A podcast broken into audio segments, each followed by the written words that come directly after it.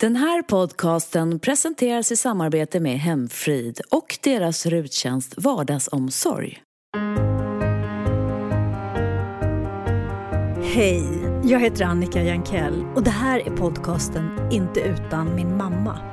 En podd för anhöriga som har föräldrar eller närstående som börjar bli gamla. Många äldre bor hemma men behöver lite extra stöd, hjälp och sällskap. Inte sällan faller omsorgen och ansvaret på de anhöriga. Och hur mycket man än vill stötta de man älskar så är det idag, för de allra flesta i alla fall, omöjligt att finnas till hands dygnet runt. Vilket inte sällan leder till oro och dåligt samvete. Jag vet att jag inte är ensam om att vara i fasen av livet när man blir förälder till sin förälder.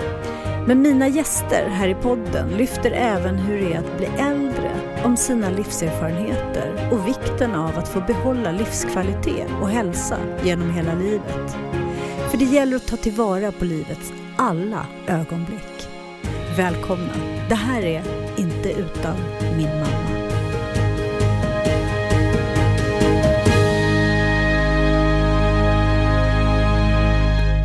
Och jag säger varmt välkomna och eh, jag vill börja med att tacka för all fantastisk respons som vi har fått för vår podd. Och vi ska vidga vyerna i ett, ja, i ett outsinligt ämne med så oändligt många infallsvinklar. För ålderdom är ju precis som ungdom. En lång period av livet där man vill ha bästa möjliga livskvalitet såklart. Men med stigande ålder drabbas ju många av sämre hälsa, åldersrelaterade sjukdomar och behöver lite extra omsorg. Och apropå det här med livskvalitet. När trycket ökar på vuxna barn att ta hand om sina gamla eller sjuka föräldrar, ja, men då tvingas allt fler gå ner i arbetstid eller helt sluta jobba. Och jag kan säga att den dystra sanningen är att tiotusentals anhöriga i Sverige blir själva sjukskrivna för att pressen till slut blir för hård. Ja, och trycket blir inte lättare när antalet platser i särskilda boende dras ner och hemtjänst och hemsjukvård inte räcker till. Idag gästas jag av två superkvinnor. Två pionjärer som på olika sätt inspirerar med hjärta och hjärna. Och vi ska bland annat tala om huruvida vi har en bra och värdig omsorg i Sverige eller inte. Barbro Westerholm, vars CV skulle, ah, det skulle ta mer än en podd att rada upp, hör här, läkare, forskare, ämbetsman, politiker. Och sen är hon något av de, skulle jag säga, homosexuellas moder Teresa. Som när hon var generaldirektör för Socialstyrelsen i slutet av 70-talet och drev igenom att homosexualitet inte längre skulle räknas som en psykisk sjukdom av Socialstyrelsen. Varmt välkommen hit! Tack! Det blev en lång ändå. Det blev det. Och man skulle ju kunna liksom lägga till hur mycket som helst. Gör inte det. Hur presenterar du dig själv? När någon frågar, vem är du? Ja, jag är Barbro Westerholm. Jag har hunnit bli årsrik. För att jag är rik på massor av levda år, kunskap och livserfarenhet. Jag har lärt av livet och det, det hjälper en framåt. Verkligen. Du, jag måste bara, det här Moder Teresa och... Mm. Du måste fortfarande få reaktioner. Oh ja, och nu är det ganska precis 40 år sedan. Så det är tre dagar just nu som firas som 40 år. Det var då den, den 29 augusti då trappan ockuperades och sedan så var det den eh, 20 7 eh, september då jag skrev på och 19 oktober då beslutet vann laga kraft. Så att just nu firas det här att sjukdomsstämpeln försvann ja. på tre olika datum. Ja, det är helt fantastiskt. Men vi kan ju fira det lite idag också. Ja, gärna. eh, bredvid Barbro i soffan sitter eh, super, jag gillar ordet super idag som ni märker, superentreprenören alltså som har byggt ett livsverk genom att satsa allt på att plantera ett eh, litet frö som växte och kom att bli en lättnad för många, inte minst kvinnor som fastnat i den klassiska fällan, nämligen att jobba heltid, både i hemmet och på jobbet. Hemfrids grundare Monica Lindstedt, Välkommen! Tack så mycket. För visst var det, du får rätta mig om jag har fel, men visst var det så att eh, idén med Hemfrid var att du själv kände dig som att du hade fastnat lite i den här klassiska kvinnofällan? Absolut. Eh, jag startade Hemfrid därför jag var tvungen att lösa mitt eget problem. Mm. Men det, det, dröjde lite väl, för att du var ju med och startade Metro mm. och fick en slant. Ja. Uh, idén hade jag eh, egentligen först när jag jobbade som tidnings på en dagstidning i Eskilstuna. Och hemma hade jag fyra barn och en man i karriären och jag höll på att bli galen på mitt liv därför att som VD kunde jag få en massa olika förmåner men jag kunde inte få det jag mest behövde, nämligen hjälp hemma. Och då var min ursprungstanke att man skulle byta ut värdet av en förmånsbil mot värdet av en tjänst och sen kunna leverera det till företagen som skulle kunna ge det som en löneförmån till sina medarbetare. För vi hade ju ett väldigt ofördelaktigt skattesystem om människor ville köpa tjänster av varann vitt. Svart har ju förekommit i alla tider, men mm. om man ville göra det vitt. Men sen så tog det ju några år och när jag sålde min del till, eh, av Metro så fick jag då ett litet startkapital så jag kunde göra verklighet Förverkliga en dröm? Ja, ja, dröm vet jag inte, ett behov. ja, ett, ja, det är sant. Ja. Hur löste du? Tänker, du var ju också superkarriärist och din man och fyra barn också. Ja, det har ni gemensamt förresten, fyra. Ja, fast ja. Jag, jag har en regnbågsfamilj. Så ja, jag, men det jag, räknas. Ja, men jag hade fyra barn hemma. Ja, precis. Mm. Mm. Men fyra barn hade vi också. Ja, först så hade vi vad man kallade då hembiträde. Men sedan så, eh, så slutade vi med det för att vi ville också åka skidor och köpa segelbåt. Och eh, då räckte inte vi var ju sambeskattade, så då räckte ju inte pengarna till allt det här. Så då gjorde vi upp med barnen, att nu hjälps vi åt allihopa. Och det var liksom kravet på, för att vi skulle kunna åka skidor på vintern och vi skulle kunna segla på sommaren. Alla ställde upp? Alla ställde upp, ibland med lite tjat. Men nu har, jag ju, nu har vi RUT mm. och det fungerar alldeles utmärkt. Och när jag jämför vad vi betalar för RUT och vad en del betalar på andra håll i, i Sverige, så betal, för hemtjänst då via biståndsbedömning, så betalar de mer än vad vi betalar för RUT. Så RUT är en fantastisk möjlighet idag. RUT och ROT, alltså om man ska vara lite sådär klassiskt, det låter som de här gamla klassiska kvinnosysslorna i RUT mm. och ROT det, det är männen. Ja. ROT kom ju till som en, en konjunkturåtgärd när det var lågkonjunktur i byggbranschen. Mm. Och det, det. det, var ju faktiskt... Eh, alltså när, jag brukar ibland skoja om att jag är mamma till Rut.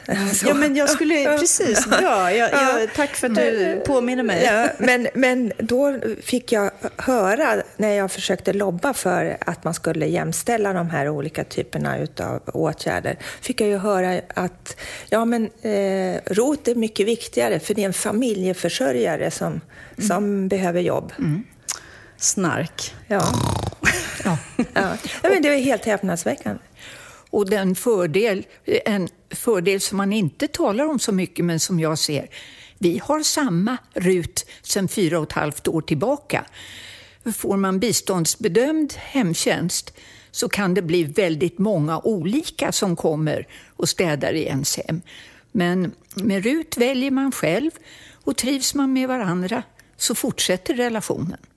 Ja, det där är ju ett, ett problem just det där när man, om vi nu kommer in på Inte, inte utan min mamma, alltså podden här, eller syftet med den här podden, att vi talar väldigt mycket om just det där att eh, när, man, när man tar hand om, vårdar en anhörig, nära anhörig, eh, som har hemtjänst, att, att man, eh, eller ja, det är den hjälpen som finns, men, men just det där att det är nya personer hela tiden, det är ju ganska problematiskt för många. Man upplever det så. Absolut, absolut. Men det är också problematiskt för den som ska göra jobbet. Ja, mm. absolut. Jag eh, stod, jag tror att det var i, kan det ha varit i januari, det var snöstorm, eller det var kallt. Och jag kom gåendes vid Norrmalmstorg och där var det väldigt, väldigt, väldigt många kvinnor som stod och lyssnade. Unga kvinnor, eller kvinnor i alla åldrar. Det var en manifestation eh, om mäns våld mot kvinnor. Och den som talade eh, och förtrollade alla de här, det var ju du, Barbro. Vet du vad jag talar om? Ja, jag kommer inte ihåg precis vad jag sa vid det tillfället. Ofta är jag förberedd på att säga en viss sak och sedan när jag ser vilka som är församlade och vad de andra har sagt så kan det bli någonting helt annat. Du höll ett brandtal. Du gick igång. Eh, du talade om, rätta mig om jag har fel, din mormor och farmor ja. som skilde sig mm. i en tid när sociala skyddsnätet inte var, det var noll. lika med noll. Ja. Ja. Ja, min farmor var född 1855, gifte sig med en läkare på Söder, födde honom fem barn inom tio år. Och när yngsta barnet, min pappa, var två år, då var hon trött på min farfar. Mm. Så att då skildes hon från honom.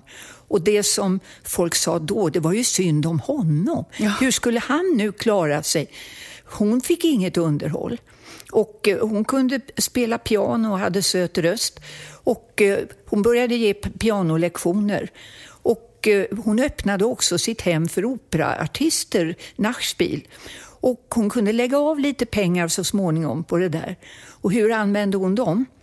Jo, hon satsade på utbildning för sina två döttrar. Pojkarna fick klara sig själva.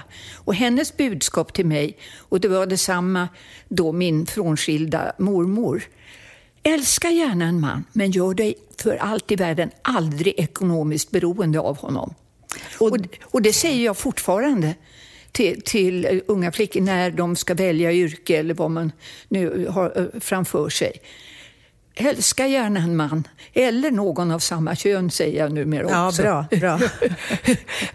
Men för allt i världen, var ekonomiskt oberoende. Precis, för det var det du stod där och sa. Och jag, det där är ett isolerat ögonblick. Mm. Eh, för du hade en sån enorm känsla. Nu ska vi inte tala ålder eftersom du är åldersrik, har du berättat. Mm. Men det är ändå, det var ett antal decennier mellan dig och de yngsta som stod mm. där med stora ögon och på något sätt blev stärkta. Det, ro det roliga är att det var precis det som min pappa sa till mig också. Är det så? Ja. Vad underbart, berätta. Nej, men jag har ju alltid haft en, en stor passion för djur eh, på alla sätt och vis. Och eh, när jag var typ åtta så gick min pappa långa promenader med mig och skulle liksom försöka få in mig på den rätta vägen. Alltså vad jag skulle bli när jag blev stor. Vad skulle du bli? I hans värld mm. så skulle jag bli läkare eller ekonom. Jag ville bara jobba med djur. Och då, då så sa pappa att, att det går inte. Det går inte. Du inte måste, ens veterinär? Nej, jag tror inte han tänkte så långt. Eh, men, men, du måste se till att du är ekonomiskt oberoende. Och det blev du? Jag blev ekonom så småningom. Ah, Okej, okay. bra svarat. Ja, ja nej, men, men det är ju också... Eh, det, det, säger ju mig då att man måste ha någon vuxen, en vuxen förebild som verkligen trycker i en det. Att man, att man, eh, alltså som, till unga tjejer framför allt. Det är så lätt att man blir ett offer mm. om, man är, om man är ekonomiskt eh, beroende. Mm. Mm. Och det här är ju i Sverige väldigt viktigt med tanke på vilka pensioner man får. De bygger ju på livsinkomsten. Ja. Och därför blir det så viktigt att unga flickor, att kvinnor tänker sig för. Vad är det för yrke jag ska välja här? Mm. Visst, man ska tycka att det är roligt. Men man ska också tänka på vad har man i plånboken när man lämnar arbetslivet. Så sant. Och då kommer vi in på, apropå eh, det kvinnliga eh, fällan, som jag sa initialt här, det här att många som eh, tar hand om anhöriga som då när man blir förälder till sin förälder, att man går ner i arbetstid och att trycket är så hårt. Att både sköta sitt jobb och att då ta det här ansvaret så att man blir sjukskriven. Många blir långtidssjukskrivna eller slutar jobba helt. Och det är oftast kvinnor som, som gör det. Så att fällan kan ju komma lite här och var genom livet. Mm. Men då med det här eh, perspektivet bakåt i tiden, jag tänker på din mormor och farmor. Eh, är det inte ganska bra idag då, om man jämför? Eller vad säger vi om ålderdomen i Sverige, eller ålderomsorgen? Om man tittar bakåt, eller man har ju lätt att tänka sig att det händer ingenting eller allting tar så lång tid. När jag startade Hemfrid 1996, då var ju ordet livspussel inte ens uppfunnet. uppfunnet. och, och jag, du sa en sak, Barbro, det här med sambeskattning. Alltså det, jag tror att det har varit avgörande för kvinnors möjlighet att bli ekonomiskt oberoende när, när vi upphörde med det systemet. Ser man historiskt på det här så det är klart, de besuttna de har alltid haft möjligheter till en, ett bra liv. Men Ivar Lo-Johansson åkte ju runt i Sverige i mitten av 1900-talet och såg ju hur uselt det var på ålderdomshemmen.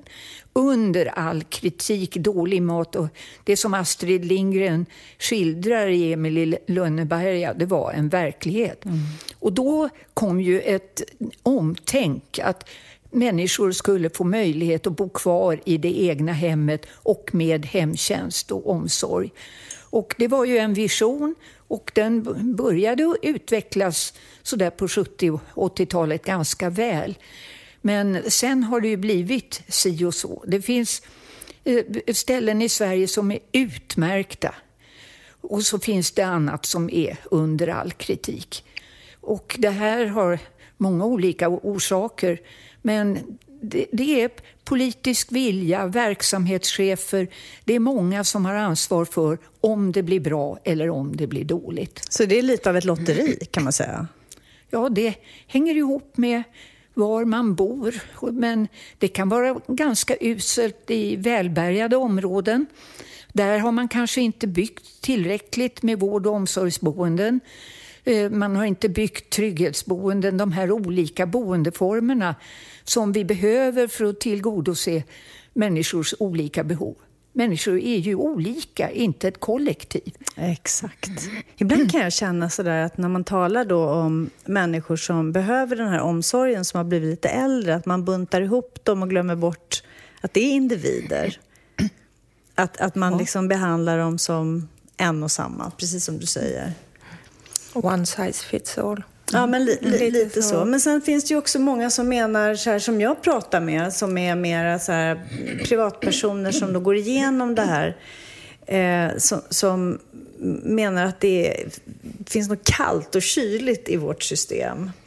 Eh, vad, säger, vad, vad, vad, är er uppfattning? Hur? Det, jag tror att det finns väldigt många goda intentioner i det här. Mm. Men sen så när man försöker eh, förverkliga. För, förverkliga så blir det, som någon sa, vägen till helvetet är kantat med goda intentioner. Eh, och, och, det blir för kallt, för eh, okänsligt. Eh, jag tror att det är jättesvårt att vara biståndsanläggare, det ska jag säga. Det tror jag också. Eh, men om man har knappa resurser och man måste ehm, man måste göra olika eh, värderingar om saker och ting som man kanske inte har, är utbildad för heller. Eh, men det blir, det blir ett kallt system. Exakt. Men, men har ni personligen några erfarenheter av era föräldrar? Ja, jag fick ju kämpa hårt för att min mamma skulle komma in på ett boende. Och hon ville in på ett boende också. Det finns ju de som säger till biståndshandläggaren oh, nej, jag vill inte flytta mm. och, och, jag klarar mig bra själv. Och så tror biståndshandläggaren på det. Det är inte så man ska bedöma personer. Vad va, härligt att du kom in på det där, för det där är också intressant rent psykologiskt när man eh, ser, jag såg, jag kan säga min egen lilla mamma, hur hon plötsligt blev så himla pigg och, pigg och glad och alert just när och läppstiftet åkte på och skulle minsann inte mm. eh, behövde ingen hjälp överhuvudtaget. Och kunde liksom nästan spela upp en liten, eh, en liten sketch där hur, hur hon klarade sig själv hur bra som helst. Och, så satt biståndshandläggaren och... och ja. Men jag, jag, har precis samma erfarenhet. Det är så? Berätta. Exakt. Jo, men alltså, spelar upp och, och blir liksom glittrig och glad och, och säger jag klarar mig så bra själv och vi har det så bra, bla bla. Liksom. Och så eh, är det bara en fasad. Och så tänker de inte på att ja, men ah, de som ser till att det här fungerar, nämligen vi anhöriga, Exakt. man tänkt på dem kanske. Mm. Jag fick ju också i ansiktet, eftersom jag hade varit generaldirektör när det här inträffade, att biståndshandläggaren, du ska inte tro att du kan gå före i någon kö eller så. Ja, du, du åkte på den? Jag åkte på den. Ja. Och, och, jag sa, jag vill att hon ska bli korrekt bedömd. Ja, såklart. Och jag skulle, om du inte tycker att hon behöver, så en second opinion, mm. att en andra bedömning av någon annan mm. kunde väl vara på sin plats. Nej, men hon Eh, hon hamnade faktiskt i en sämre situation än andra som var i samma eh, stadium av sin På sjukdom. grund av, här ska det inte åkas gräddfil. Nej, mm. just så. Mm. Men vad hände till slut? Ja, till slut så blev grannarna så upprörda över situationen. Så det var ju grannarna som fick fart på processen. Du skojar? Ja. Så och, var det. Och, och, och hur var det för dig? Ja, till slut eh, blev ju min mamma i det här fallet, hon blev ju så himla vimsig så att, så att eh, det, det fanns, till, ja, till och med biståndsanläggaren såg hur illa mm. det var. Mm. Men, men du fick, du, din mamma ville inte? Nej. Och din mamma ville? Hon ville. Mm. Min, min mamma var så oerhört beroende av eh, min pappa. Mm. Hon, kunde ju inte, hon kunde ju inte vara mer än en halv meter ifrån honom. Och, och hon följde efter honom överallt. Han hade ju ingen som helst egen tid någon gång. Och eh, när, när hon fick ju sån här mm, dagverksamhet. Hon vägrade klä på sig när de skulle komma och hämta henne för dagverksamheten. Och då satt hon och tjurade i sex timmar innan hon fick åka hem. Så pappa, han höll ju på att dö på kuppen han också. För det är ju, ni sa precis innan vi satte på mikrofonen här när jag sa det är som att ta hand om om barn och då sa ni i kör nej, nej. det är värre. Det är värre. Mm. mm. Därför att barn lär sig ju nytt hela tiden och de lär av de misstag de gör. Men en, en årsrik person som glider in i en demens eller depression eller så backar ju i livet. Mm. Och de kommer inte ihåg. Och de, alltså ett barn lägger ju kunskap på kunskap mm. och kan också tänka abstrakt. Medan en, en dement person blir sämre för varje mm. dag som går. Ja, det är precis motsatsen. Mm. Barnet utvecklas och lär sig nytt mm. hela tiden. Och det är en smärta i sig. Och det här är ju ett enormt samhällsproblem eftersom det verkar vara en sjukdom som ökar. Mm. Ja, folk blir ju äldre. Ja, exakt. Det är snarare så, för det finns ju också forskning som visar lovande siffror att det kanske inte blir fullt så farligt. Men man har ju ingen bot och man kan inte förebygga helt och hållet. Nej, men då tänker man sådär att det måste ju komma. Det, det ja, måste, det, den, det den, den, forskare som knäcker den nöten, det blir ju ett Nobelpris där. Ja, säkert. Men, men du, Barbro, måste ju hela tiden få förklara eller för, alla vill ju veta hemligheten. För någon piggare och mer aktiv person än du, du hade ju kunnat gå i pension för ganska länge ja. sedan nu. Jag tror det är mycket gener med. Min pappas släkt blev väldigt gammal. Så att eh, jag tror det har bidragit. Sen är jag allätare och de här modeväxlingarna i vad man ska äta och inte äta, de har jag inte lyssnat till. Jag fick, ett, jag fick ett råd från en, en generaldirektör på Livsmedelsverket. Ät lite av allting så sprider ni riskerna. Och det har jag gjort. Det...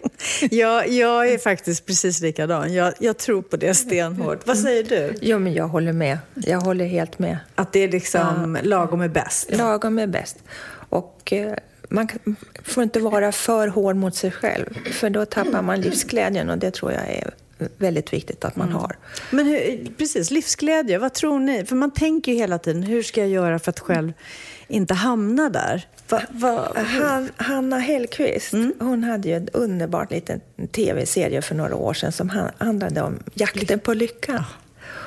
Och, och där hon frågar folk hur blir man lycklig och så här. Och så sista programmet så så, så avslöjade hon vad hon hade kommit fram till. Och det är ju ingen rocket science, men det är väldigt fint ändå. Hon sa så här, man behöver en uppgift. Man behöver någon, några att tycka om och man måste ha något att se fram emot. Ja, det, där bra du, sagt. det där du säger, det här att känna sig behövd. Jag tror det vill man från det man Föds. föds till det att man lämnar livet. Och jag menar att när någon då ska flytta in på ett vård och omsorgsboende så ska en stående fråga vara Du Anna eller du Gustav, är det något du tror att du kan hjälpa till med här? Därför man tar bort människors önskan Hela att driv- känna- ja. Hela drivkraften. Ja, drivkraft. Och, det, och det kan vara att vika upp tidningar eller eh, ansa blommor eller vad som helst. Eller det kanske inte är något, men då ska ju Anna eller Gustav bestämma själv. Att nej, jag orkar inte hjälpa till med något. Det är den personen själv som ska bestämma det, inte andra som ska ta bort eh, då, då livsglädje och behövdhetskänsla. Så sant, det där med sammanhang. Det, det ska man inte underskatta. Nej. Att vara i sammanhang. Men, men okej, så maten. Nu hade ju du jättebra tips där. Det här. Jag, jag brukar tänka på lycka. Jag, jag funderar mycket på det. Det är ju så mycket forskning kring lycka nu för tiden. Men min, vad är er definition? Jag kan dra min så kan ni fundera under tiden. Jag tänker så här att varje dag man vaknar och inte känner en akut olycka, det vill säga ont någonstans eller olyckligt kär, hjärnspöken, att det egentligen borde vara en, en lyckodag. För, förstår ni vad jag menar? För när man, när man vaknar och har ett hjärnspöke som liksom tar all ens kraft, suger musten ur en, eller man har fruktansvärt ont någonstans, då är det det enda man tänker på. Men när man slipper det, då tänker jag, det måste ju vara lycka. Ja, men man ska njuta av de bra dagarna. Och när man kommer till dåliga dagar, det gör man, så min livserfarenhet säger mig, det här går över, det kommer bra dagar. Jag vet inte riktigt när och varför, men de kommer tillbaka. Det är en vågrörelse, Ja, livet. det är det. det, är det. P- P.O. Enquist han hade ett sommarprogram för några år sedan där han började med att säga att nu ska jag tala om vad meningen med livet är. Underbart. Ja. Tell us. Ja, och så pratade han och så pratade han. Och till slut var programmet nästan slut. Och då så sa han, ja visst jag skulle ju berätta vad meningen med livet eh, är. Och då berättade han om sin hund Pelle. Som hade, som hade eh, suttit och tittat på honom när han hade en, eh, så här, var lite deppig och så. Och då hade hunden sagt till honom, vi ska alla en dag dö. Alla andra dagar ska vi leva. Mm. Så himla, hi- så himla enkelt Ja. och så himla rätt. Och nu tar du upp någonting som jag ser som väldigt viktigt i äldreomsorgen och i boendena. Och det är ju att tillåta djur. Hundar, där har man lite mer erfarenhet av och eh, Socialstyrelsen har lite riktlinjer. Katt finns väldigt lite, men det finns nu en, en kvinna, Susanne Gaje, som har eh, då åkt runt på äldreboenden med katter. Och eh, funnit vilken tillgång de kan vara. Och det här med allergier, man löser det ute på boendena. Och det, och det finns alltså medarbetare på boendena som säger, tar ni bort djuren, då skapar ni ett arbetsmiljöproblem för oss. Därför att de boende blir så mycket gladare och, och lugnare av att det finns djur att klappa. Jag tänkte att vi ska avrunda. Det är fantastiskt. Jag skulle kunna sitta med er hela kvällen, men jag vet att eh, ni har an- annat att göra i era, era innehållsrika liv. Men jag tänkte att vi ska avrunda bara lite med att eh, älskar det här med poddar, för man hoppar verkligen från, från ämne till ämne, men allt handlar om livet. Eh, att vi skulle, jag ska be er lista tre saker som är viktiga att tänka på när det gäller just det här med, med ehm, omsorg.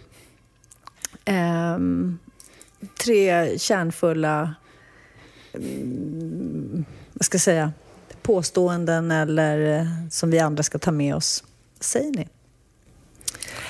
Eh, jag kan nog eh, hålla med Barbro på det här med att ta tag i saker innan det är för sent. Eh, min pappa han hade ju för sig att, att eh, livet skulle ta slut när han slutade jobba. Men, men för honom blev det eh, mer så att, att det blev bättre och bättre för varje år. Och han beskrev det som att, att han var på sitt, sitt livs höjdpunkt när han var 85.